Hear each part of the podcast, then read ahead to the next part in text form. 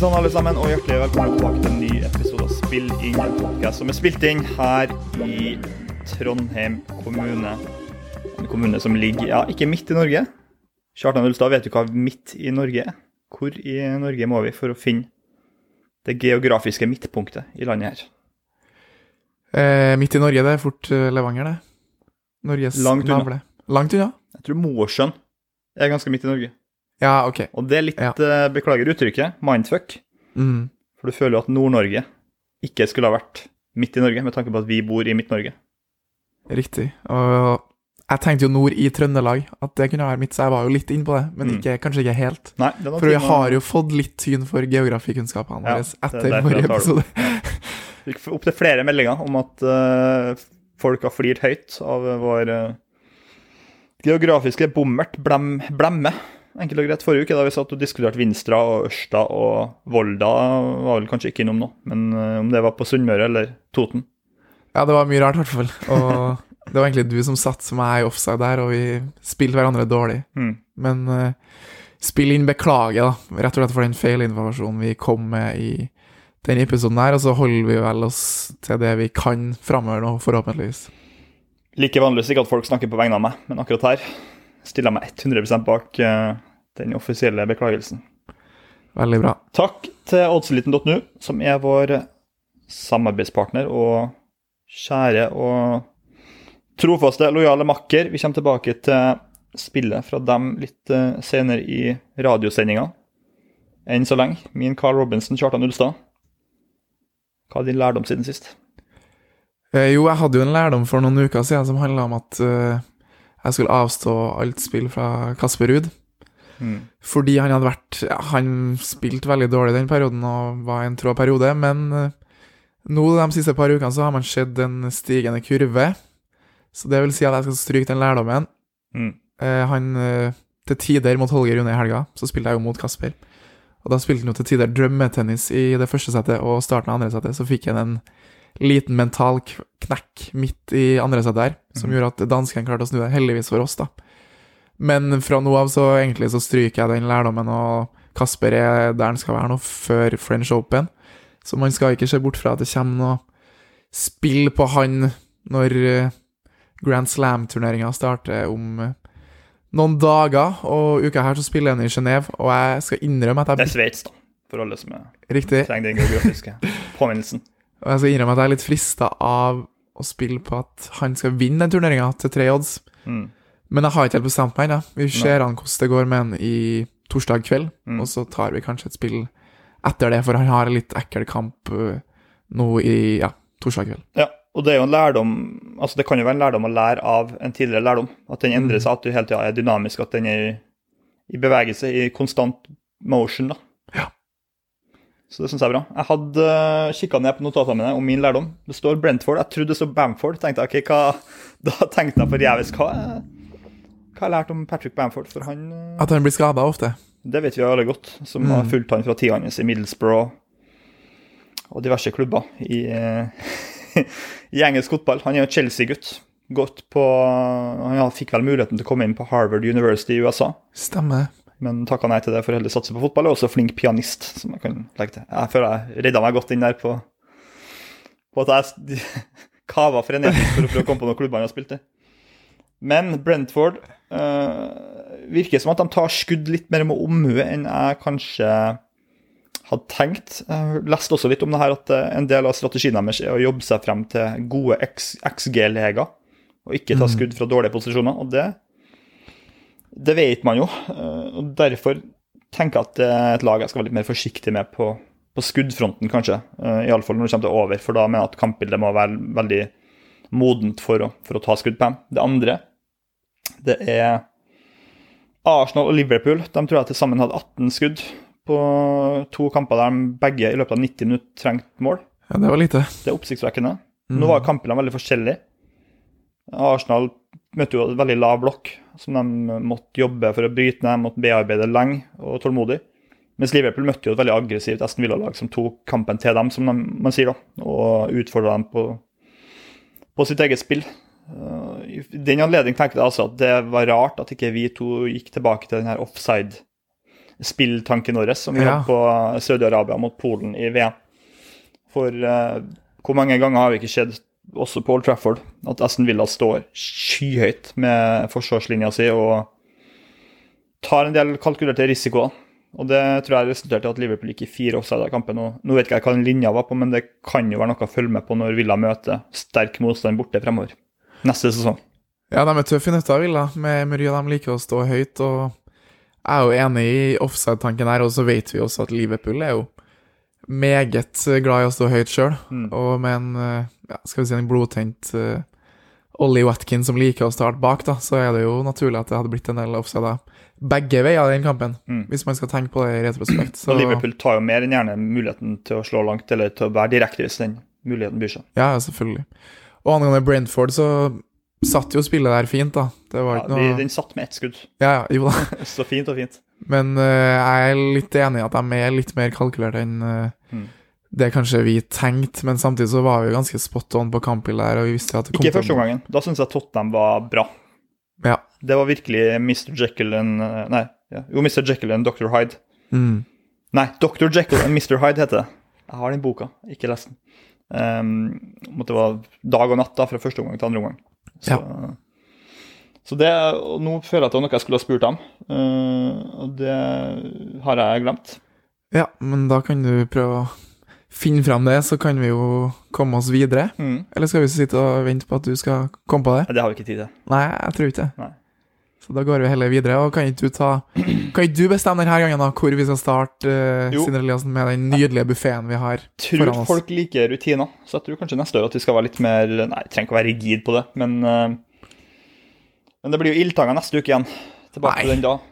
Jo. Jeg mener at vi har eh, At lagt inn i skrivebordsskuffa for godt.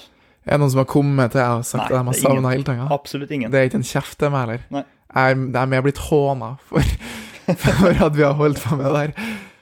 Men uh, vi kan godt uh, Nei, det er opp til deg. Du er jo sjefen, men Ja, tar ikke Premier League, da. La oss ta Premier League først. La oss gjøre det. Ja, For den Ja. bruker vi kanskje lengst tid på. Mm. Og da er jo spørsmålet Brighton sikra seg Europa i går. Ja. Eh, City har sikra seg gullet. Arsenal har sikra andreplassen, hvis de kan kalle det å sikre den. United ganger to. Newcastle og Manchester har begge opptatt sine ambisjoner med en topp fire-plassering. Mm. Så det er ikke så mye å snakke om i toppen, kanskje, men uh, la oss ta en liten uh, tur ned kjelleren, da, til hvem som må virkelig ned potetkjelleren. Potetkjelleren, ja. Championship neste år. ja. To av tre lag skal ned. Leeds er vel uh, beregna som 98 sannsynlig at rykker ned. Mm. Og etter å ha hørt intervjuet med Sam Allardyce etter kampen sist, så virker det som at de har signert. De uh, snakka om at uh, troppen er ikke god nok, eller elveren er kanskje bra nok, men vi har ikke bra nok stall. Uh, Luke Ailing sier i samme i, i samme pressesone etter kampen at uh, vi er ikke bra nok trent. Før så var folk redd for oss for at vi sprang og sprang og sprang. Nå ser vi slitne ut. Og det virka som en sånn resignasjon, syns jeg.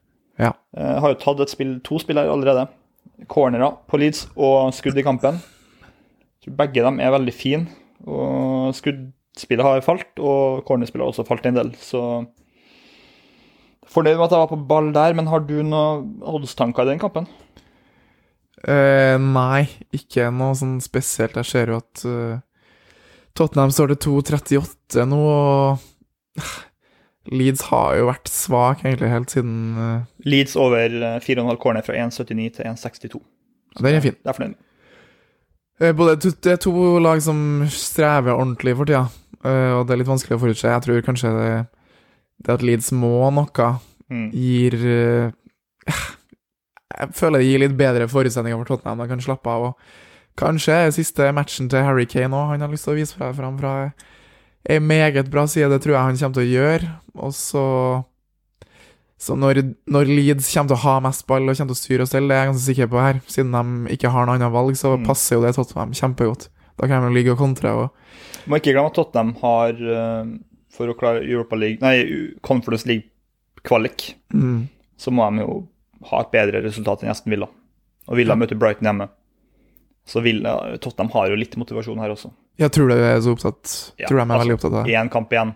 Europa eller ikke Europa. Jeg tror det Ah, Jeg tror den har litt å si. Men ikke masse, selvfølgelig. Men at det gir dem litt ekstra motivasjon, at den kampen betyr noe, det tror jeg. Jo da, for så vidt. Eh, Jeg syns det var i hvert fall vanskelig å spå. Jeg er enig i at Leeds kommer til å være desperat, og da er jo cornerer og skudd her kanskje det man skulle ha gått på. Det har vi allerede gjort, så utenom det, så Nei, jeg klarer ikke å se noe verdig på, på noen sin side, i hvert fall ikke på 1x2-linja. Og så tenker jeg at Ellen Road er en, egentlig en perfekt arena for å få en sånn galskapsatmosfære, og at det virkelig blir Texas, da. Mm. Men så kan jo hende at Everton leder 2-0 etter 20 minutter, Ja, Leeds. og da er Leeds ned. ja, å, ja, ja, Everton, selvfølgelig. Ja. Ja. Så kampen om å overleve kan være død ganske tidlig i kampen, og da endrer jo hele dynamikken seg. Mm. Kanskje har de bare lyst til å avslutte på en god måte foran egne fans, men jeg tror når, når nedrykket virkelig eh, synker innover dem, og det blir en realisasjon, så kan det fort bety at de bare klapper sammen, at kampen blir en transportetappe og dør ut. da. Men samtidig, en type som Harry Kane tror jeg er veldig opptatt av å pynte på statistikken sin, og, og det regner jeg med at de fleste fotballspillerne er. Mm. Så jeg vet ikke, men det sånn på 1x2 så har jeg ikke noen tanker her. Jeg syns det er mer verdi på Spurs til 2,38 enn Leeds til 2,85. Ja. Gjør jeg nok. Eh, ja, jeg, der er vi enige, tror jeg. Og ellers så er jo oppsiktsvekkende å se hvor stor Everton favoritt, hvor store favoritter Everton har blitt.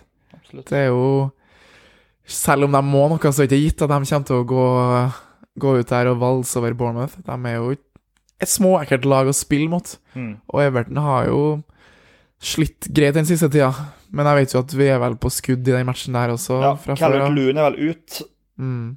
Og da var det vel, eh, om jeg ikke husker feil, var det vel eh, DeMarie Gray som kom inn for han. De har jo ikke noe typisk eh, godt oppspillspunkt å bruke da. Ja, det er jo Sims de har brukt litt som spisser, Ja. men han er ikke, ikke klar for det nivået her ennå. Nei, kanskje ikke fra start, men han har jo hatt gode innhopp, da. Ja.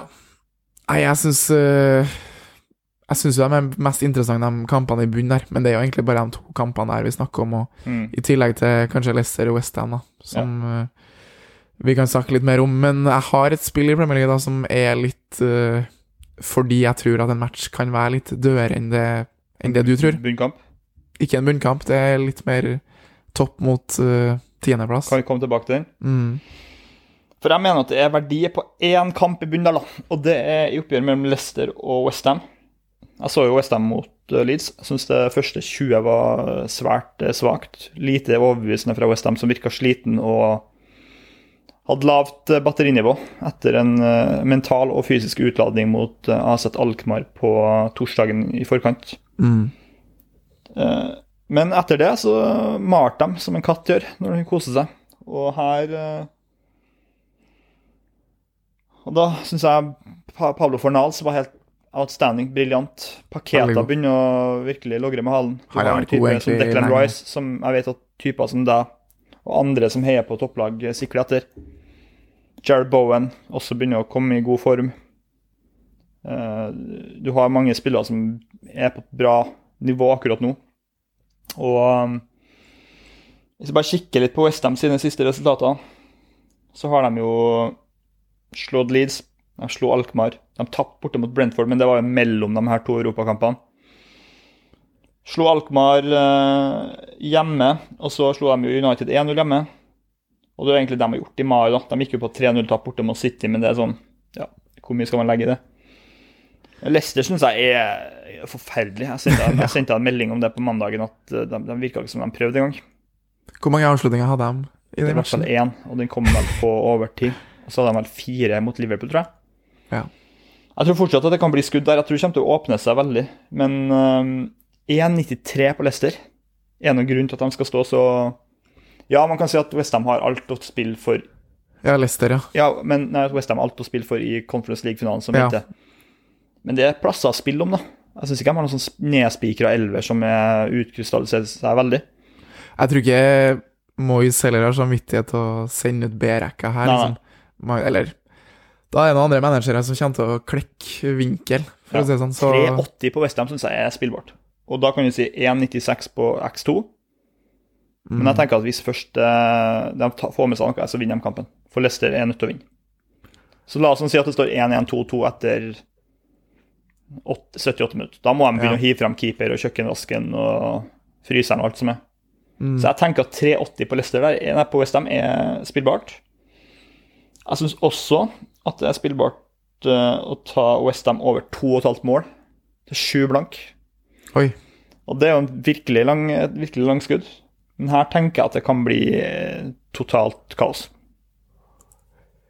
Ja, eller, eller så kan Lester være forsiktig fra start. av, heller Ja, men jeg, Faen, jeg, tror ikke de har tid. eh, Jeg tror ikke de har tid. Tror du ikke? Nei. Her tror jeg de er nødt til å prøve å vinne kampen fra start. Ja, men hvis de skal vinne kampen fra start, så kan de ikke uh, slippe inn heller Nei. tidlig. Da er de jo kjørt, og da må de jo kaste alt De- framover, og da kan det jo bli sånn som du sier, men uh... Hvis du ser på de bunnlagene i Premier League nå, så er det Bortsett fra Southampton som er rykkende, så mener jeg Everton og Leeds, begge de to, har evne på hjemmebane til å få veldig moment med seg av supporterne. Jeg tror det kan bli ganske giftig på, på, på King Power. Leicester Mm. står med fire seire, fire over til ti tap på hjemmebane. Det er nest dårligste i Premier League. At det, kan åpne, at det kan sprekke opp her, at det kan bli en sånn stygg, ekkel avslutning på sesongen. Mange spillere som ikke skal være med videre. Og at Westham får en opptur før um, Conference League-finalen til 3,80 at de skal vinne. Ja. Jeg syns den er fristende. Jeg forstår ikke hvorfor Leicester skal stå til 1,93 her. Jeg så, Nei, det så for eksempel med favoritter borte mot Exeter i siste ligarunden. De tapte jo 3-0. mm, Og jeg tror man legger litt for mye i at et lag har noe å spille om. Det samme med Ja. MK Dons, MK Dons måtte vinne. Det ble 0-0.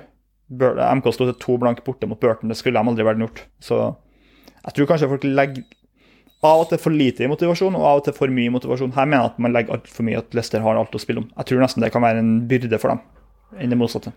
Ja, igjen så kan jeg ta eksempler med uh, Bare fra egen erfaring i fjor høst, der vi møtte uh, Ullkisa, som hadde eh, alt å spille for. Mm. De kunne få den førsteplassen og rykke opp hvis de slo oss. Og Hødd tapte poeng, og Hødd var jo veldig nære på å gjøre det, men likevel så så er vi som ender opp med å vinne 4-0, ganske fortjent også. Eh, så det å ha det presset om at man må levere og at man må vinne, det trenger ikke nødvendigvis å bety at man spiller festfotball, og det kan mer være en litt, eh, litt anker da, som gjør at man eh, spiller jeg tror det er dårligere å spille med høye skuldre. Og det er jo Vi vet jo at det, det er noen, som, noen spillere som ikke liker Og det Leicester-laget her, som har vært i en så dårlig periode i så lang tid. Hvorfor skal de plutselig begynne å spille feiende flott fotball og kjøre og hvis de det Jeg klarer ikke å se, så jeg er jo helt med på tankegangen din. Men eh, du legger jo kanskje litt mange egg i samme kurv, da, hvis vi skal både ha skudd, vi skal ha mål, vi skal ha alt. Ja, nei, jeg vil ikke ta alt her på en gang, men uh, jeg tenker at hvis folk har lyst på et skikkelig langskudd, da Sju blank på Westham over 2,5 mål hos Unibet, det syns jeg er, er fint, da. Hva mener du oddsen her burde ha vært, da? Det er vanskelig å si når det blir så høyt, men, Ja. eh, men altså, du, det er lettere å si det som når du får over uh, ett Westham-mål, altså pengene tilbake på at de får nøyaktig ett mål, til 1,77. Mm. Eh, 2,75 på over 1,5 mål på Westham, og det er jo høyt, da, mot et lag som lekker defensivt. Og Ja, selv, om, selv om Leicester holdt nullen borte mot Newcastle, så var de heldige. De, var De hadde en heading i stanga, og Newcastle hadde noen fantastiske sjanser. De hadde vel to-tre stolpetreff, tror jeg. Ja, men det er jo det kanskje Dean Smith kan gjøre med det Leicester-laget her, da. Å gjøre dem litt tettere, selv om vi ikke har sett det har så langt. Men det er jo det han kanskje har vært god til tidligere, da. Mm. Det er derfor han er en såpass anerkjent øh, og Jeg syns ikke han er noen fantastisk manager, men det er jo det er jo det han kan, og om han har klart å få det litt inn i Leicester-laget. Men Mm. samtidig så slipper de jo til eh, 25-26 skudd mot uh, Ja. Newcastle, så ja, det er Bare vanskelig å si. Siste tanke på den kampen der, for hvis det blir først sånn at Leicester ikke klarer å få seg på mål, så syns jeg det er mer verdi å bare spille på 3,80 på at de skal tape. Jeg var inne på det i sted. Eh, For variansen mener jeg er større i en siste runde. Da er, mer, da er ting på spill, og da føler jeg at ting kan gi mer ekstreme utslag. da. Mm. Jeg har noen tall på det at uh, i League 1 og League 2, hvor ofte at minus 2,5 blir ofte dekt i siste serien, at det virkelig bare åpner seg totalt, og at over 3,5 mål skjer. Så jeg hadde jo en sånn uh, Twitter-post med Fun in the Sun, Bristol Rovers mot Bolten, der jeg hadde over 3,75 mål til over 4 odds, og den gikk jo inn, det ble fem mål i kampen. Snikskryt. Ja. Nei, det, er ikke, det her er skryt. Ja, det er det. En fortjent påskjønnelse. Og her tenker jeg at det er verdi på spill på Westham. Jeg synes det. Så jeg har litt lyst til å ta noe på at de skal vinne til 3,80. Eh, Men det er opp til deg, da. Om du er Ja, jeg er mer på den enn at vi i hvert fall skal kjøpe begge. Så da går Westham over 2,5 mål og seier. Det kan jo bli 4-3, for alt jeg vet. Eh, nei, gå for 380 rein B, tror du ikke det? Ja, tar to units på den, da. Ja. Jeg tør ikke noe mer. Høres fornuftig ut. Det er også Unibet, forresten. Eh, ja. Din tur. ja, da har jo jeg et spill i Manchester United mot Fulham, jeg, da. Jeg ser jo allerede at vi har vært eh, Mm. over på skudd Ja. der, men Ja. jeg har lyst til at vi skal spille under tre mål til 2-10. Mm. Det United-laget her har slitt en del offensivt siste tida, men samtidig vært eh, ganske solid bak her, som gjør at faktisk fire av de fem siste matchene de har spilt, har endt under 1,5 mål. Mm. Og nå er det siste match, og man vil jo selvfølgelig vise seg fram fra sin beste side, men topp fire er sikra, og de kommer helt sikkert til å la noen unggutter få muligheten. Jeg ser for meg Pelistri kommer til å spille Garinaccio, Kobe Maino kanskje. Det er jo bra for skudd, da, faktisk. Ja. Ja. Uh, de har en FA-cupfinale i bakhodet, og jeg tror nok den, eh, er den er klart viktigst. Og det forstyrrer den offensive rytmen til United enda mer, når de setter inn masse gutter som ikke har så god kjemi, og som ikke har spilt noe med hverandre. Og da blir det ikke noe sjansefest, som, som jeg ser det. Og Fulham er et lag som kan være involvert i målrike kamper, men Paul Trafford så tar de jo såpass hensyn til motstanderen at det er vanskelig å se for seg at det skal bli noe særlig her. Og sist Fulham var på besøk, det var jo kvartfinalen i FA-cupen. Og da hadde United vel bare fem-seks avslutninger før Fulham fikk de to røde kortene, og det var i rundt 70. minutt. De, og det så man på Craven Cottage eh, i Det var vel rett før VM-pausen at uh, Fulham er et lag som står dårlig til for eh, United. De sliter mm. veldig mot det laget her. Og jeg tror at under tre mål her kan være et uh, kjempefint spill, faktisk. Her tror jeg faktisk at du har arrestert meg på riktig måte. For ofte så jeg opplever jeg at uh, skuddspillene mine at dropp, linja dropper med to-tre hakk. Mm. Her er faktisk bitte litt høyere odds på det skuddspillet jeg la ut nå. Den har gått fra 2,18 til 2,20. Ja.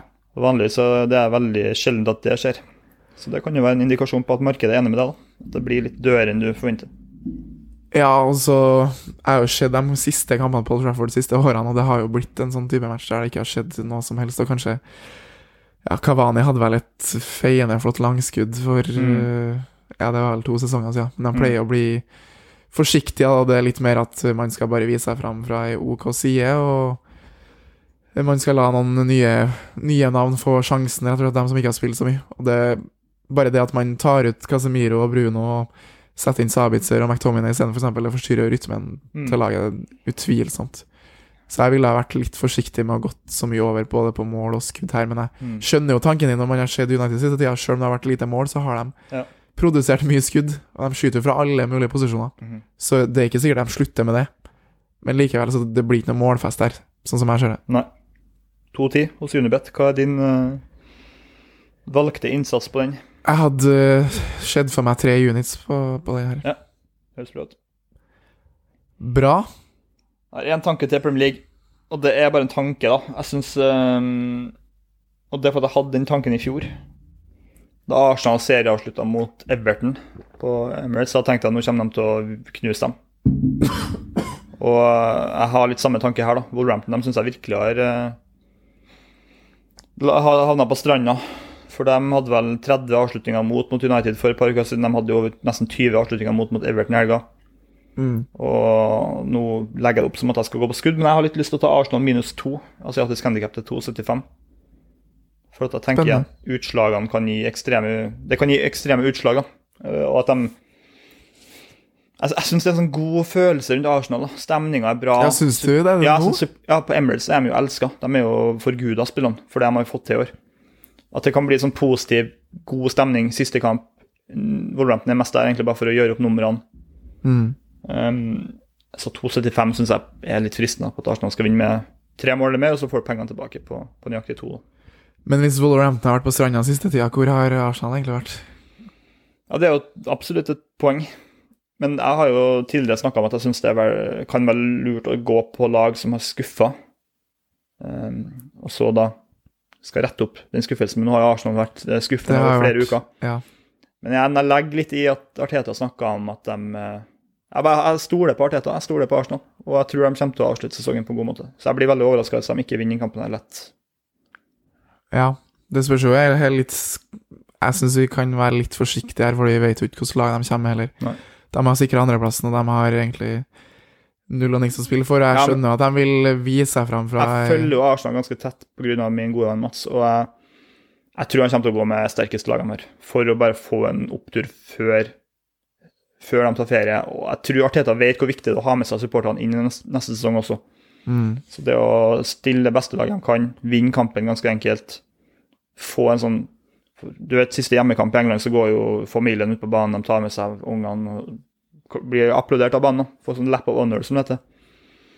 Så jeg klarer ikke å se for meg at de skal begynne å bruke Reece Nelson og Rob Holding fra start. Jeg tror de kommer til å starte sterkt, og at de kommer til å vinne kampen veldig, veldig komfortabelt. Hvis du har sikre kilder på det, så kan jeg jo være med på at det er et greit spill. Og Wolves kan jo helt sikkert dem også stille med litt uh, annerledes enn det de har gjort siste ukene. jeg tror mer sannsynlig at de gjør det, egentlig. Ja, det kan godt hende, men uansett så Nei, jeg syns at vi skal drive og gå på Arsenal hver uke når de har vist så dårlige tegn siste. De taper 0-3 hjemme mot Brighton, og det var helt greit at de gjorde det. Mm. Og skaper nesten ikke en sjanse mot uh, Forest ø, når de ligger under nesten hele matchen. Så jeg syns det er vanskelig å gjøre det, men hvis du har en god magefølelse på det, så selvfølgelig skal du få lov. Mm, ja, det er, det er gode argumenter. Det er absolutt det.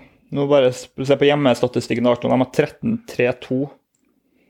48-25 i målforskjell. De to tapene har vært mot eh, City og Brighton. Mm.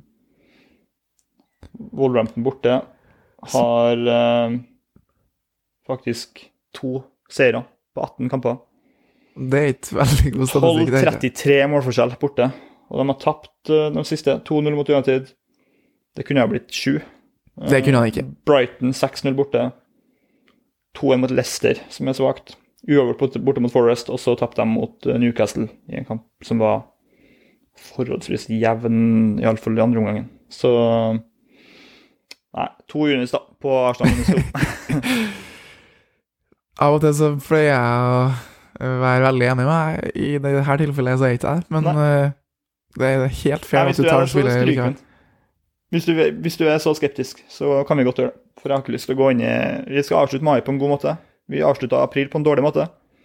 Nå vil jeg ha det motsatte. Så Ja.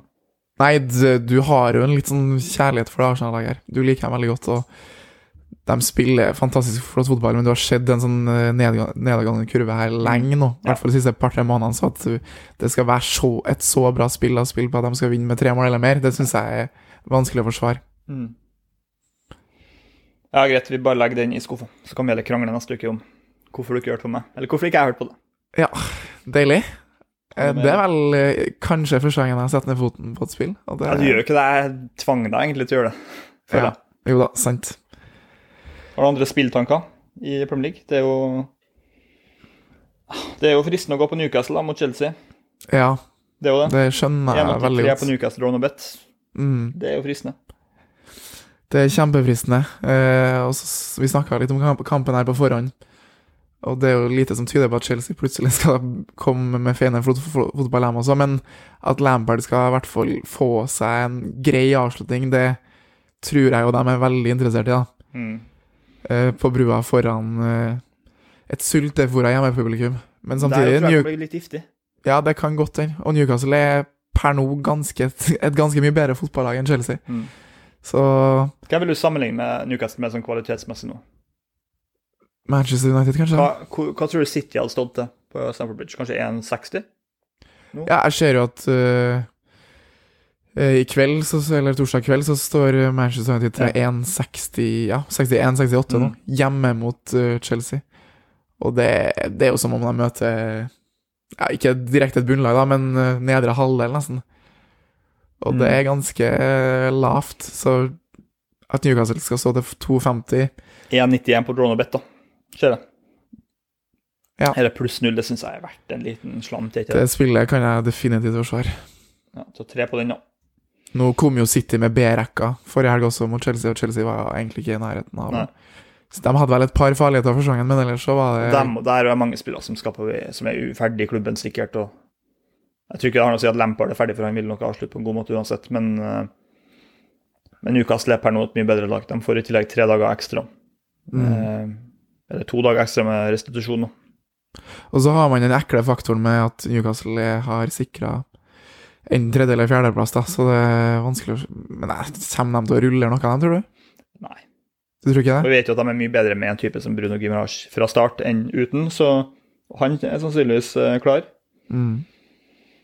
Men, Det er det, er sist- men det- ja, det, det er jo det som er skummelt, at du vet jo ikke. Men Det er jeg tenker det. at Hvis Newcastle skal rotere fra mandag til søndag for å gi nye spillere sjansen og sånt, så syns jeg jo ikke det er noe som tyder på at Chelsea ikke skal gjøre det.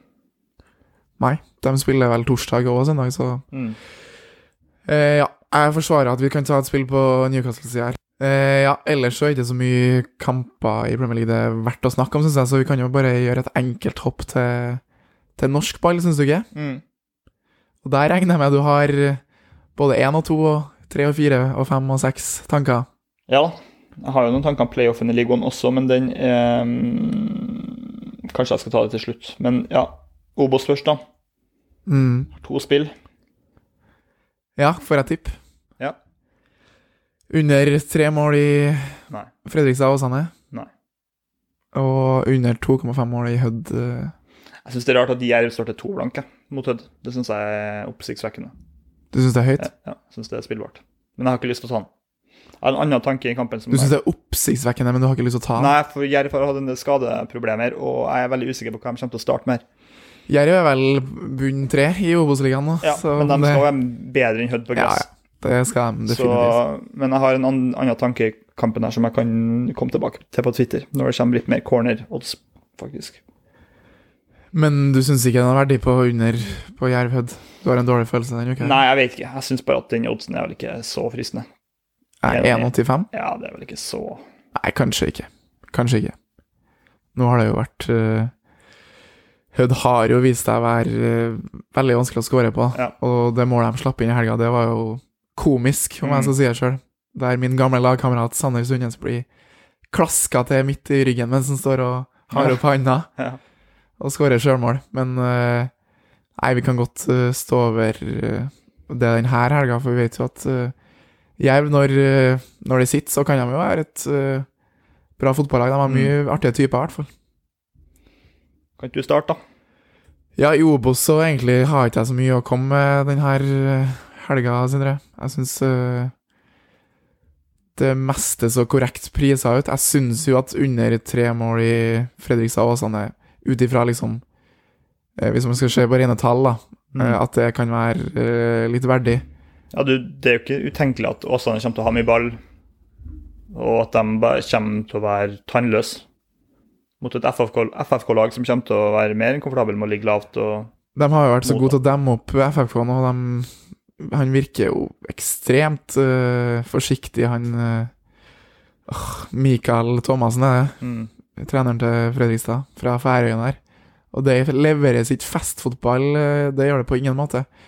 Og, men samtidig, Åsane de har det i seg, de kan slippe inn mye, de kan skåre mye. Så det gjør meg litt sånn småskeptisk. Og 1,71 på under 3 er kanskje litt i knappeste laget. Mm. Men hvis jeg skulle ha tatt noe i Obos-ligaen, så hadde det kanskje vært uh, det spillet. da. Start Ranheim. Jeg var jo på Ranheim forrige uke og reiv meg i håret av at uh, det ikke ble skåra mer mål.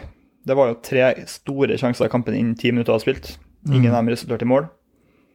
Og en ting jeg rev meg mer i håret av, var at uh, namsosingen Ruben Alte gikk målløs av banen pga. egne begredelige avslutningsverdigheter. Men selvfølgelig, han skal ha all honnør for at han kom i de situasjonene. Han var banens beste, og det fortjente han. Og selvfølgelig også pga. Arne Gunnes, som ved en anledning kunne ha servert han på blank kasse på fem meters hold. Veldig frustrerende. Men jeg har lyst til å prøve igjen. Han hadde vel en sju-åtte avslutninger av kampen. Kommer seg inn i boks, kommer i posisjoner, spiller 90 minutter. Start, masse skader. Uh, Slipp til sjanser defensivt. De var heldige mot Åsane, som ikke slapp inn mer enn to mål. De slapp Mm. inn to mot Ulf hjemme. Så åtte blank da, på Ruben Alte til å score. Anytime. Jeg har lyst til å fortsette å prøve det. Skal vi gå for den hver helg, altså? Da blir det fort blakk, da, hvis han Ja. ikke blir bedre til å skyte.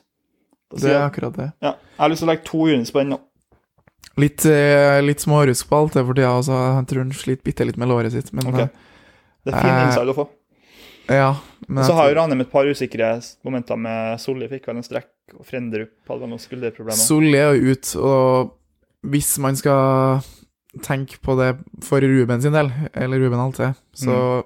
er ikke det spesielt bra, fordi Solli er, en kjempebakromstrussel for Ranheim, og har vært det Mm. egentlig hele år. Og han er kanskje litt av grunnen til at Ruben har fått såpass mye Ja. rom og fått, Han har fått mye mellomrom å, å jobbe med, liksom. Mm. Og det at han har kommet til så mye avslutninger jeg mener at Sivert Solli skal ha en del av fortjenesten for dem, fordi han er med og sørger for at de ikke kan stå høyt, det forsvaret, som gjør at mellomrommet er, er der i større grad. Og Kanskje du da skal være litt taktisk og vente med den her til Solli er tilbake. Forhåpentligvis har oddsen gått litt opp, kanskje og så vinner Ranheim uten at alt er skåremål. For nå vet jeg hvem som kommer inn på den høyrekanten. Det Haugen, ikke det? fort Amle Haugen, ja. Ja, han syns jeg ikke så noe særlig ut. Det trenger jeg ikke å si, men han har vært korsbåndskada i over et år nå, Ja. så han blir nok Det trenger jeg ikke å si. Er vi der at vi ikke kan være ærlige? Bare for at vi Hva mener du med så noe særlig ut? Du går jo på utseendet hans. Nei. Hva mener du med så noe særlig ut, da? Som Du syns han var stygg? Overhodet ikke. Jeg syns ikke han så noe særlig ut som oh, ja, okay. innhoppet hans. Det var det du mente? Alle dager. Det var veldig personlig. Det var det jeg Jeg driver ikke og kritiserer utseendet til folk. Det er jeg for god for. Nei, han er vel egentlig en, mer en høyreback, da. Ja. Nummer fem som høyrekant. Ja, Drakt nummer fem. med tanke Det på syns jeg er stilistisk dårlig. Ja, men det er jo fordi at han er jo Ja. høyreback, og de har ikke så mye alternativ på den høyrekanten, og ja. da kan jo fort hende at Marklund og sånn kan jo spille kant, han også, selvfølgelig, Ja. men det ser ut som Amle Haugen skal, skal spille her, og han har bra fart og alt det der òg, men om han er like ja, dødelig som Sivert Solli og like flink til å starte bak, og li, han er jo ikke like rask heller, så Mm. Nei. jeg tror vi kanskje kan vente til Siso er tilbake. Gunnes som høyrekant. skjærer inn i banen. Jeg tenker det har vært noe Men da hadde jo han kommet til å oppholde seg i det rom- rommet Ruben har lyst til å operere i, så det Ja. hadde jo ikke vært optimalt for, for hans del. OK, kjapp eh, jingle, så kommer jeg med mitt hovedspill. Sindres.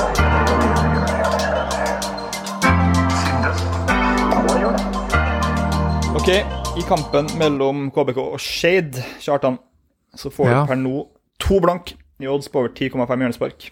Og det må vi jo ta. Det er ikke noe sjokk at det kommer fra den fronten her. Shade de har typer som Effiom, Hiksen Har hatt enorme cornertall i systemet. Hadde vel en eh, 13-14 alene mot uh, Mjøndalen forrige uke. Jeg tror de hadde en kamp med 15 før det. 12 eller 13 uker før igjen. Eh, Og da skjønner jeg ikke helt hvorfor den oddsen skal være der inne. De har også blitt litt bedre defensivt den siste tida, har jeg sett, eh, under Gard Holme. Så at de kommer til å ha noen gode kontringspunkter. KBK er jo sårbare. De er jo, selv om de kommer til å rykke opp, sannsynligvis, så er de ikke ustoppelige fra å være skapes ting på. Nei, jeg skal være helt ærlig om KBK, så har jo det vært en skuffelse så langt i Mm. år. Jeg syns det er enkeltspillere som har eh, vært direkte svak, og f.eks. Snorre Strand Nilsen, som har vært en kjempegod eliteseriespiller i flere år nå, han eh, har jo faktisk sittet litt på benken òg. Et par unggutter som har meldt seg på. Og det sier jo kanskje litt om uh... Strand Nilsen, som da er bestevennen til Conor Chaplin. Ja, stemmer. Det er enig også. den av til. Ja, den er fin. Men uh, jeg er ikke like solgt på at de kommer til å rykke opp uh, Nei, sånn som nei, du er, men Jeg tror det eh, handler mest om at det er dårlig nivå ellers, egentlig. Jeg syns Ja. ikke jeg ser noen klare kandidater utover dem med Ranheim Start. Ja, Kongsvinger kommer vel så sikkert etter hvert. Du fikk jo se en serieleder live på søndag i Sogndal. Det var vel uh, all verdens å skryte av det heller. Så Ranheim er vel kanskje det laget som begynner å se mest eh, stabil og god ut, da, Ja. sånn som jeg ser det. Og Start kan jo være bra, dem, eh, men de er direkte ustabile. Mm. Uh, og KBK har ja, Jeg syns ikke de har vist nok ennå til at jeg skal være solgt på dem, men jeg skjønner at du vil gå på cornerer. Ja, to blank på over 10,5, det er jo det er høyt, ikke det? Ja, KBK og cornerer, det er jo drømmekomboen til deg, Mm, liksom, så selvfølgelig må vi gå på det. Der legger vi fem units, og grunnen til det er jo at KBK hjemme stort sett alltid gir oss kornlinje på 11,5. Ofte får du 1,85-1,90 på det. Så to blank her Jeg er ikke sikker på at den her kommer til å gå over, men det handler alltid om en sannsynlighetsvurdering. Og da, for meg, er det mer enn 50% sannsynlig at det blir 11 hjørnespark eller mer i en kamp på Kristiansund stadion. Det syns jeg høres uh, veldig bra ut. Ingenting mer i Obos. Ingenting mer i Obos. Nei. Da går vi til Tippeligaen. Ja, Eliteserien, kanskje? Tippeligaen. Har du en jingle der òg? Nei. Nei, du har ikke det. Det så ut som du var i ferd med å forberede noe. Men uh, Eliteserien så er jo litt spennende ting som skjer, da. Mm. Hva skal vi si om uh, Brann Rosenborg, for, for eksempel? Vi kan starte her. Vi tar tre-fire-fem minutter om den. Har du spill der? Foreløpig ikke skjedd meg noe spill ennå. Jeg syns uh, Brann til 1,41 er jo smålavt, Jeg selvfølgelig. tenker at den burde ha stått på. Nei, 1,60 kanskje. Jeg Sånn står jeg- eh, at jeg mener at Brann bør stå til ca. 1,70. Det er min Ja. vurdering. Kanskje. Men så har man jo sett eh, Ja, skal man snakke om den cupkampen mot Trygg Lade, eksempel? Der det ser ut som eh, Rosenborg var alt annet enn trygg, raus og stolt sammen, som er kjernemottoet til Trygg Lade. Ja, det er kanskje Mm, det det. Det står på en genser her. Og Rekdal var fly forbanna etterpå. Og det skjønner jeg godt. De eh, fikk det ikke til å se ut som det var fire divisjoner forskjell. De fikk det til å se ut som det var ja, nesten samme divisjon. Det er ganske utrolig når man møter et lag som spiller i fjerdedivisjon i norsk fotball. Til sammenligning så slo jo dere med et ganske sånn uh, rotert lag, Orkla, fra divisjonen under med 5-0, vel, til slutt. 5-0, ja. Det er bare det- til sammenligning. ja. Men så er det jo større stas å få RBK på Hvem besøk. håper forresten i neste runde å få trekning? Eh, Jeg håper på Ranheim. Du gjør det? Ja, det har vært kult. Det har vært kjempeartig. Og da skal jeg love deg at det kommer til å, Smell. det kommer til å smelle. Ja, Og det hadde vært uh, skikkelig artig. Ja. Eh, men vi skal, skal snakke om Rekdal og Rosenborg, så har han mista garderoben, eh, Rekdal nå. Han Mm. har han det. Det der må jeg bare si at jeg sendte melding til en fyr på innsida i går uh, for å spørre om Jeg kan prøve å sitere det jeg spurte, da. Innsida innsida. En person som er tett på Rosenborg. Ikke en spiller, selvfølgelig. Uh, og det jeg spurte om, var er det her, Forventer vi en reaksjon eller en kapitulasjon fra Rosenborg nå? Og jeg tenker, er det her Blir det siste skrik til Rekdal før exiten? Eller kommer det en respons? Og jeg, jeg er usikker, da. Ja, Jeg tror det, her er litt sånn som med Bodø-Glimt-kampen, der jeg påstod at det kom til å bli 6-0 eller eh, 1-1. Så ble det jo det motsatte. Det ble jo eh, en tight Glimt-seier. Her tror jeg igjen. Her tror jeg kan gå en av veiene. Ja, men uh... Og jeg er enig, jeg føler at det nå virker som at spillerne har blitt litt lei, da. Det er det, Ja, det jeg inntrykket, den følelsen jeg har, da. jeg syns det er vanskelig å gå på Rosenborg-sida her uansett, selv om man føler at Brann er for store favoritter. ass.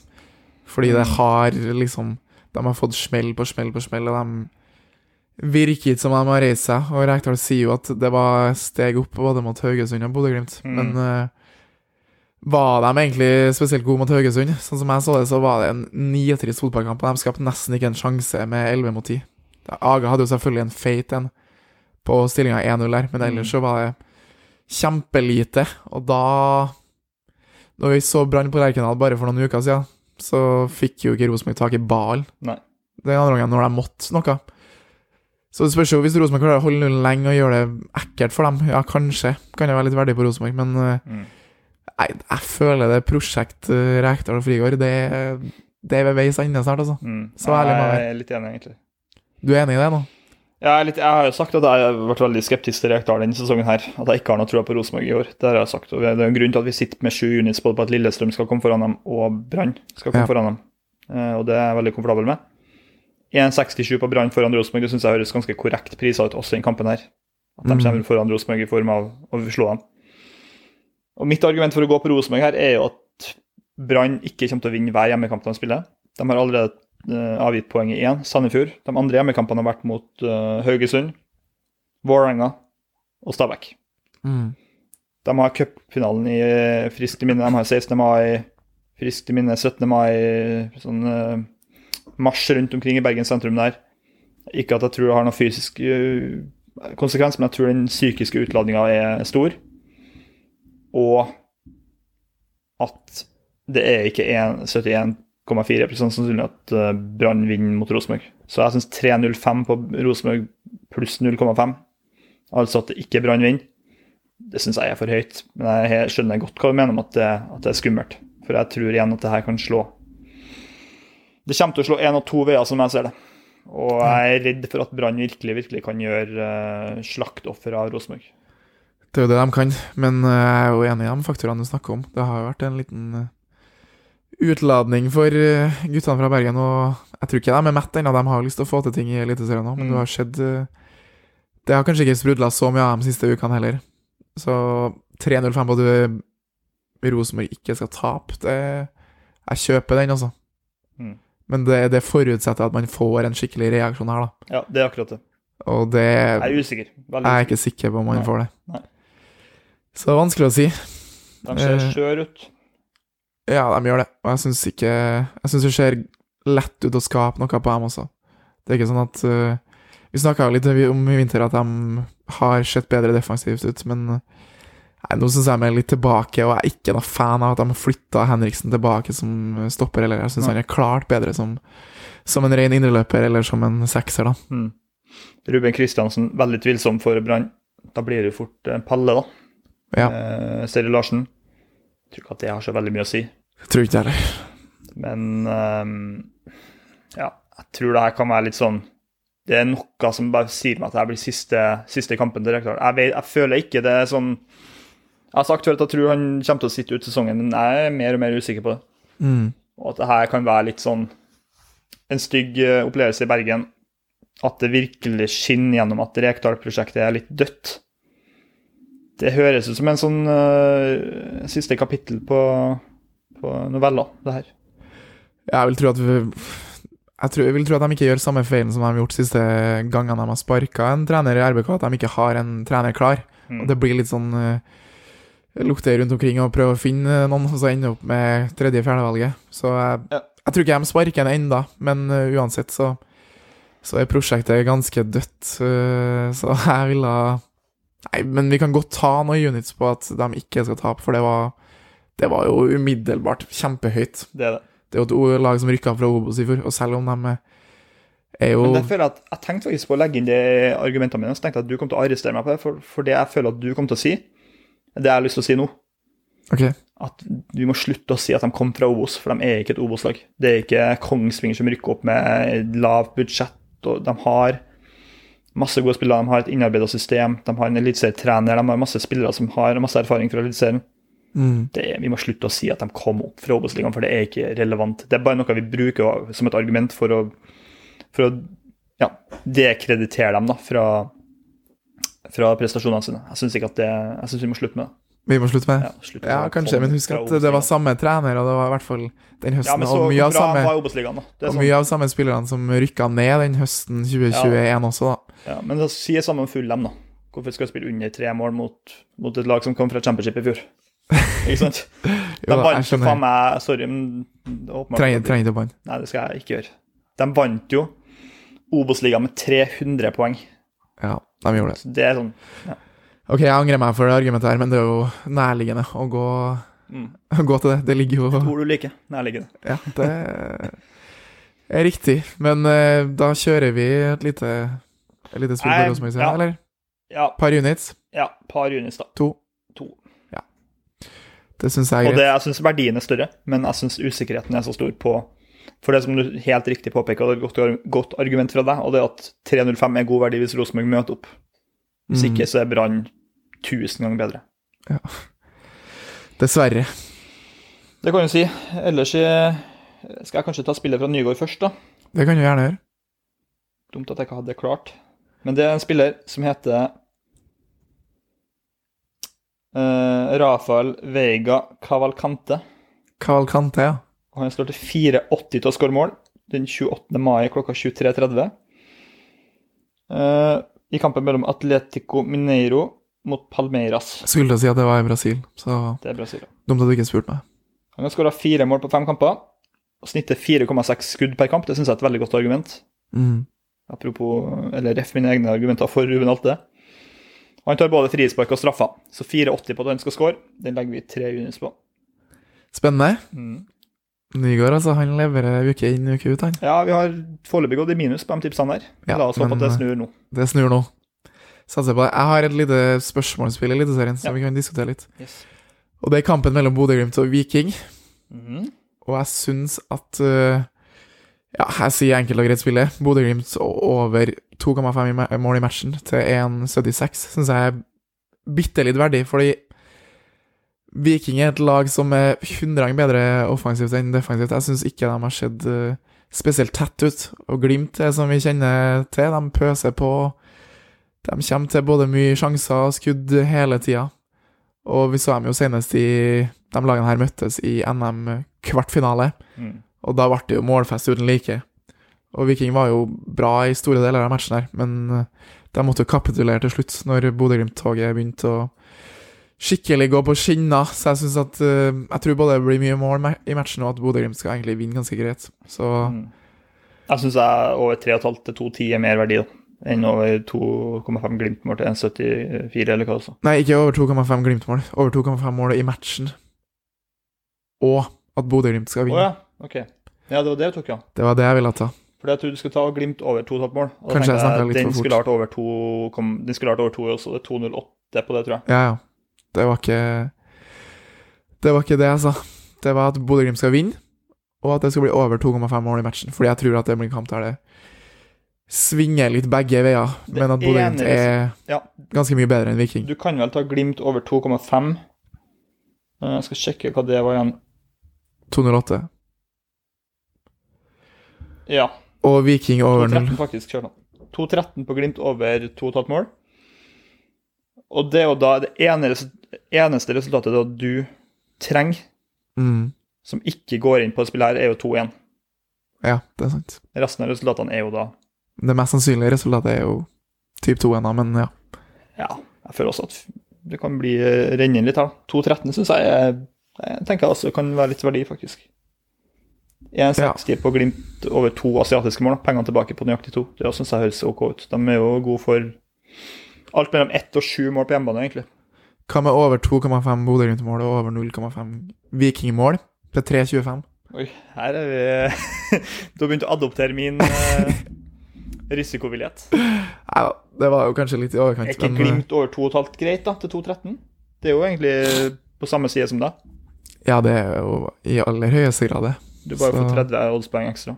40, faktisk. Ja, det er jo at Glimt må skal Ja, det er for så vidt sant. Det er bare Kjartan sitt spill, men ikke 2-1. Ja, Og du har ikke trua på at Viking kommer til å skåre? Eh, det kan Legg enda en liten- Det kan de godt. Nei, det, de kan godt score mål, det tror jeg. De, uh... Det er jo 3,25 da, får vi da, hvis vi legger inn den, så det Men jeg er enig, vi holder oss til over 2,5 Bodø-Glimt-mål. Vi trenger ikke å jage de høyoddserne, for det har vi hatt en litt tendens til. ja, jeg har hatt en tendens til. Skal frikjenne deg fra den. Ok, bra. 2-13 på det. Tre Junis, eller? Eh, ja. Ja. hvorfor ikke? Ok, To andre spill fra meg i Eliteserien som jeg har lyst til å ta. Tre unis på begge. Ikke noe stor innsats der. Og det er første i kampen mellom Odd og Godset. Der vi tar to, under 10,5 hjørnespark til to blank. Og så Haugesund-Tromsø under 10,5 hjørnespark til 1,88. Tre på den også. Det Mm. er mm, Tenker du umiddelbart at det her høres smart ut, eller vil du ha begrunnelse? På Haugesund-Tromsø? Mm. Nei, jeg ser at mållinja er jo Eller den er jo 2,5, men det er jo 1,60 på. Det skal bli under 2,5, så det det er jo, lukter jo ikke akkurat uh, målfest, og det skjønner jeg jo, fordi Tromsø har jo sett litt tam ut uh, i år, og Haugesund har gjort akkurat det samme. Mm. Og det, Tromsø liker å angripe i midten, så jeg skjønner at du ikke vil ha noe mye corner De er der. Og, veldig dårlige på corner, Tromsø, generelt. Ja. Det blir lite corner i kampene deres. De har mm. nesten ikke gått over 10,5 mot Haugesund i Haugesund før, på Haugalandet. Og så syns jeg også at det er verdi på to blank på Odd Godset, for det Ja, jeg, får ikke Jeg har ikke følelsen at det blir noe vidåpen fotballkamp her, da. nei. Uh... De har jo Midtskogen i midten, selvfølgelig, som er duellsterk, og som er et oppspillspunkt for dem, men Men, eh, men jeg har ikke den her cornerfølelsen her heller, da, må jeg bare si. Jeg syns to blank på under 10,5 var høyt.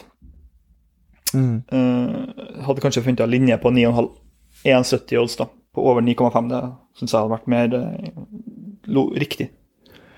Jeg skjønner hvor du vil. Jeg blir ikke helt klok på det godselaget her, og de har kanskje skuffa meg bitte litt òg. Mm. Og odds, øh, odds faktisk. Odds ballklubb. Odds ballklubb. Mm. De øh, Laget vårt, da. ja.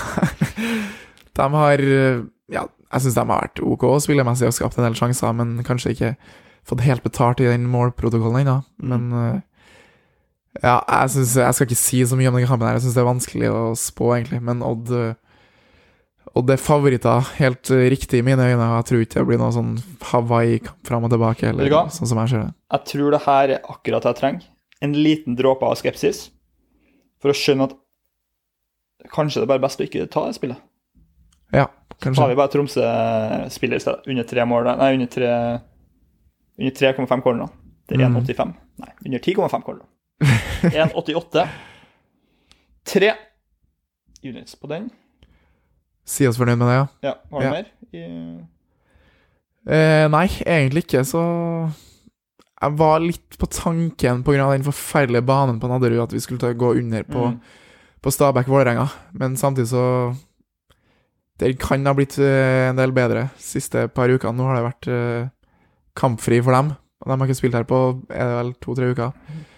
Så den er sikkert mye bedre nå. når Nå nærmer det seg juni. Også. jeg tror kanskje vi hopper over, men 1,86 på under 2,5 var bitte litt fristende. Så det skal jeg være ærlig å si. Det er litt interessant at nå er det flere kamper i Eliteserien som vurderes som mer sannsynlig at det blir lite mål enn mye mål. Det er Mhm. ganske nytt. Som sagt, jeg tror ikke du fikk så mange kamper i fjor med 1,86 på under 2,5. Nei, kanskje ikke. Men du har da enkelte lag som Ja. Men det her er ikke to lag jeg føler er sånn Egentlig ikke. Det er akkurat det.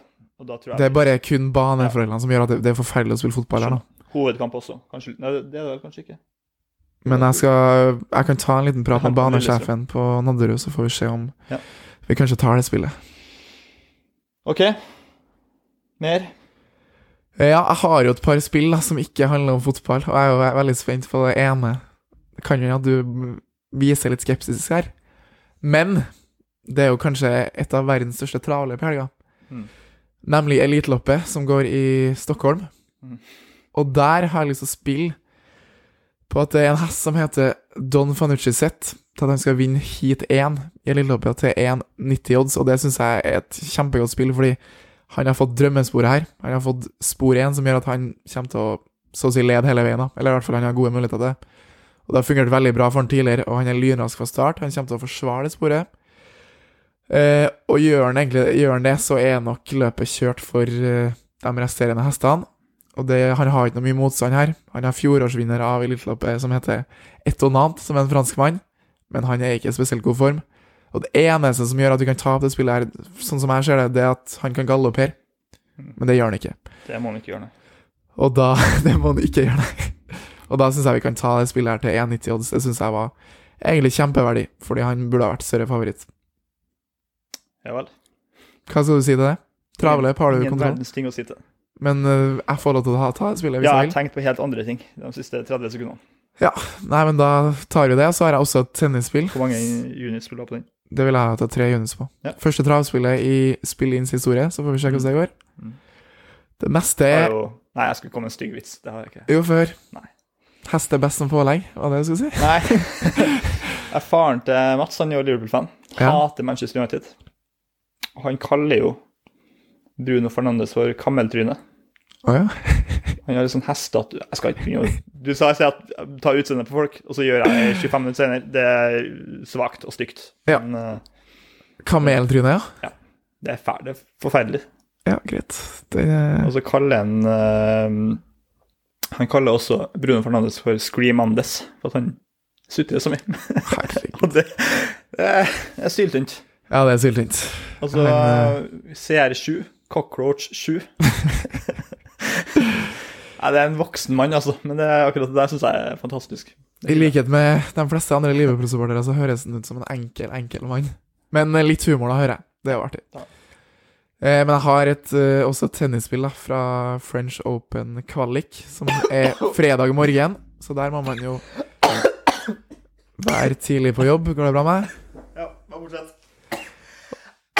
Og der skal vi spille på at Aslan Karatsev skal vinne 2-0 i sett mot uh, Moreno di Alboran til 1,90. Det vil jeg spille fordi Karatsev er en mye bedre tennisspiller, har, men han har vært ute av form lenge. Men han har funnet noe nå, og gikk langt i Madrid for et par uker siden. Bare for et lite år siden så var han topp 20 i verden, og han har veldig mye i seg. Og når han møter en som er rundt topp 200 i verden og spiller ikke noe mer eh, som om han er noe bedre enn det heller, i Moreno di Alboran, så skal det her være plankekjøring, og da må vi bare spille på at han vinner 2-0 i sett. Ja. Så E til 1,90 odds, 3 units. Ja, Fint. Du har henta en fra en Ja, eh, litt koldsaktig variant her nå. Ja, det er sånn man røyker tre pakker Malbro om dagen. Er Malbro Gold, eller? er- Det går mest Ja, Gold er jo lett versjonen, da. Ja, Ja, den liker jeg ikke. Du må ha ordentlig. Ordentlig tobakk, ja. Ja, det er bra. Nei. Aldri røyka, så det kommer jeg ikke til å gjøre. Det er det første heller. Da er i hvert fall jeg i mål fra, med mine spill. Ja. Har du fem kjappe? Som jeg har en sterk magefølelse av at det er kjempedårlig denne runden her. Å, du har det, ja? Ja. Jeg har fem kjappe, og jeg pleier å være svak, så du kan jo Ja, det er derfor jeg venter. eh, Nummer én er først, forresten. Gjør det. Ta Oppsummer de to spillene på tampen her. Karatsev til å vinne 2-0 mot eh, Moreni de Alboran til 1,90 odds. Tre units. Og at Når var den, sa du? Fredag morgen. Fredag klokka 11. Og Don Fanucci sett til å vinne heat 1 i eliteløpskvalifisering til 1,90 odds. Og så får du styre showet videre. Ja, har du mm, Jeg ser faktisk Jeg, må- jeg dobbeltsjekker alltid spillene dine. Eh, Det var Karatsjev. Karatsev. Ja, jeg ser at den har gått opp til 1,95, faktisk. Da Da tar vi den, da. tar vi den til 1,95. Selvfølgelig. Vil du ha fire på den? Tre units. Fotball under 10,5 hjørnespark i Haugesund-Tromsø til 1,88. Tre på den. Rosenborg uh, pluss 0,5 til 3,05 hos Unibet, som er markedsledende. To på den. Start en drøm? Nei. Ranheim? Nei. KVK Skeid, mener jeg. Over 10,5 corner til to blank. Fem på den. Leicester Westham. Westham til å vinne til 3,80. To på den. United United dem under tre mål til 2,10. til 2-10. Riktig. Tre på den. Eh, Newcastle draw no bet til 1 91, var det ikke? Jo, 1,91. Eh, tre units på den, ja. Og så var det mer. Eh, har du sagt Bodø-Glimt over 2,5 mål? Nei, det har jeg ikke gjort. Bodø-Glimt over 2,5 mål til 2,13. Tre på den. Da tror jeg vi var i mål med det vi skulle snakke om. Jeg tror ikke det, men eh, folk må bare høre hele episoden, så får de Ja, det blir litt kaos. Ja. Det blir Du- droppa selvfølgelig da spillet i Hauges, nei, Odd-godset. Og ikke noe underspill i Stabæk Vålerenga heller. Riktig. Da er vi klare for fem kjappe. Start med, fem, start med din kjappe nummer tre først. Nummer tre? Ja. Ok. Hvis du skulle ha blitt berømt, hva hadde du ville ha blitt berømt for? Uh, ja, det er nærliggende å si Bruker jeg favorittordet ditt blitt uh, Kan jeg to, ta skille to ting? Idrett og ikke idrett. Ja, Hvis jeg skulle ha vært idrettsstjerne, så ville jeg vært hockeyspiller. Det syns jeg ikke er kult. ti ganger kulere enn å være fotballspiller. Ok. Jeg hadde faktisk en drøm en dag om at vi to spilte hockey sammen. Ja, vær god. Nei, du var redd for pucken. Ja, det, det er jeg jo også, så det er helt riktig. Og hvis ikke, så ville jeg vært eh, en stor forfatter. Ja, det er det du ville vært, ja. Ja. Så ikke for å ha skapt verdensfred eller noe sånt. Det ville du ikke hatt med. Jo, men det Den eh, glansen kan han andre få sole seg. Ja, ok. Putin, for eksempel. Putin, for eksempel. Uff. Ok, spørsmålet nummer to. Nei, fire, takk. Fire nå. Ja. Hvem er beste kandidaten til å ta over RBK etter Rekdal? Og her må du bare komme med et navn som kommer i hodet ditt. Per-Mathias Høgmo. Spennende. Han har jo vært her før. Det gikk ikke så bra, men uh, gi ham muligheten Nei. Joakim Draksen. Kult. Han kan jo trene lag som spiller med tre bak. Det gjør Det men populært på, på Lerkendal. ja, man vil jo ikke det. Nei da, men han er jo litt for tidlig for han kanskje, men uh, Men jeg sier eh, Det er noen, er noen åpenbare kandidater i Norge? da? Nei, Billborn er kanskje en Nei, jeg eh, tror ikke han- ja, han, men det, det er jo en type som jeg tror Rosenborg-publikum har likt. da. Ja, ja. Det handler om å Det er et bra forslag, egentlig. tilfredsstille dem, ja. Eh, nummer tre. Nummer Her- Det var, det var treeren. Ja. Ja, ok, nummer én, da. Ja. Hva er din favorittapp utenom Tinder? Eh, det er en annen app på T. Ja, og det er Twitter. Twitter, ja. Ja, jeg ser at du er ganske høy på Twitter. på, på telefonen min, det kan jeg si, så har jeg fire apps vet, som er som hovedting. Mm. YouTube, Spotify, Twitter og Messenger. Så det er en av dem tre. En av de fire. Og hvor bruker du mest tid? Eh, det tror jeg er Twitter. Ja, du Eller er mye innpå Messenger. her. Selvfølgelig. Hvis jeg får svar fra deg. Jeg kan si at hver gang jeg går inn på Messenger og ser eh, Eller er inne i meldingschatten med deg, så er jo Du er aktiv nå. Så jeg vil jo ja, tro at du- står åpen. Jeg jobber med Ok, hvilke spørsmål vil du ha nå? én. Det fikk du i stad. To. Hvilket lag fra nivå tre kommer lengst i den norske cupen i år, tror du? Oi. Jeg er litt dårlig oppdatert på hvilke lag som har uh, gått videre, men det er, jo, det er jo naturlig å velge det beste laget i PostNord. Og det Ullkisa. Oh, Ja, de hadde flaks som uh, eh, gikk videre på straffa onsdag kveld der. Nei, Problemet for dere er jo at eh, som trønderslag så får man Rosenborg Mm. etter hvert uansett. Nei, men greia er at hvis vi kommer videre fra runde to, Ja. så er jo trekning. Er det nasjonalt, da? Mm. Ok, ja. Jeg vet ikke hva jeg sier, Levanger. Dere Deilig. har fundamentet. Dere har en idiot på midtbanen som eh, springer mye, og som spiller støttepasninger, og som får gule kort. God dag. Og det tror jeg er noen uh, helt uh, vesentlig for å nå langt i cupen. Takk for det.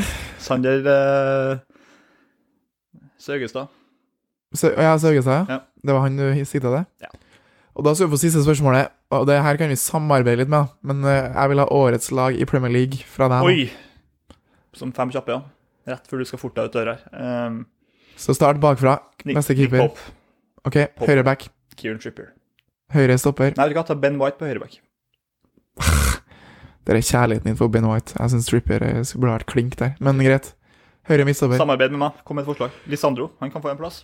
Lisandro bør få venstre stopper, ja. det synes jeg. Jeg syns jo Botman har vært klasse, men Ja, det blir jo mye Newcastle her nå. Så Ja, det blir, vi kan jo fort ta en City-spiller da. Stones, kanskje, siste tre-fire månedene. ja, men så har han jo blitt brukt som en litt sånn én av Ja, to ja, sittende. Så det er jo Akanji. Eik. Skulle tatt Saliba, siden du ser undergangen til Arsenal etter han har blitt skada. Nei, vi har med Ben White, så vi dropper Saliba. Jeg tror vi kan ta, Ja, men da tar vi Botman, da. Hvis vi vi har venstre back. Mm. Eh, gi meg noen kjappe kandidater, da. Akanji har vært en veldig god venstreback siste Ja. tida. Og pff, Nei Det var Luke Shaw. Er han en Nei, ikke årets eh, beste venstreback. Har vært god i år, altså? Hæ? Dan Burn. Dan Burn kunne ha vært Estupinian kunne ha meldt seg på. Sinchenko får den. Ja, det er faktisk en meget, eh, meget god kandidat. To sittende. Vi vil at spille 4-2-3. Rodri er vel en av dem. Rodri Casemiro. Ja. Skal vi være enige om dem? Ja. De Bruyne som tier. Saka Hå- høyre.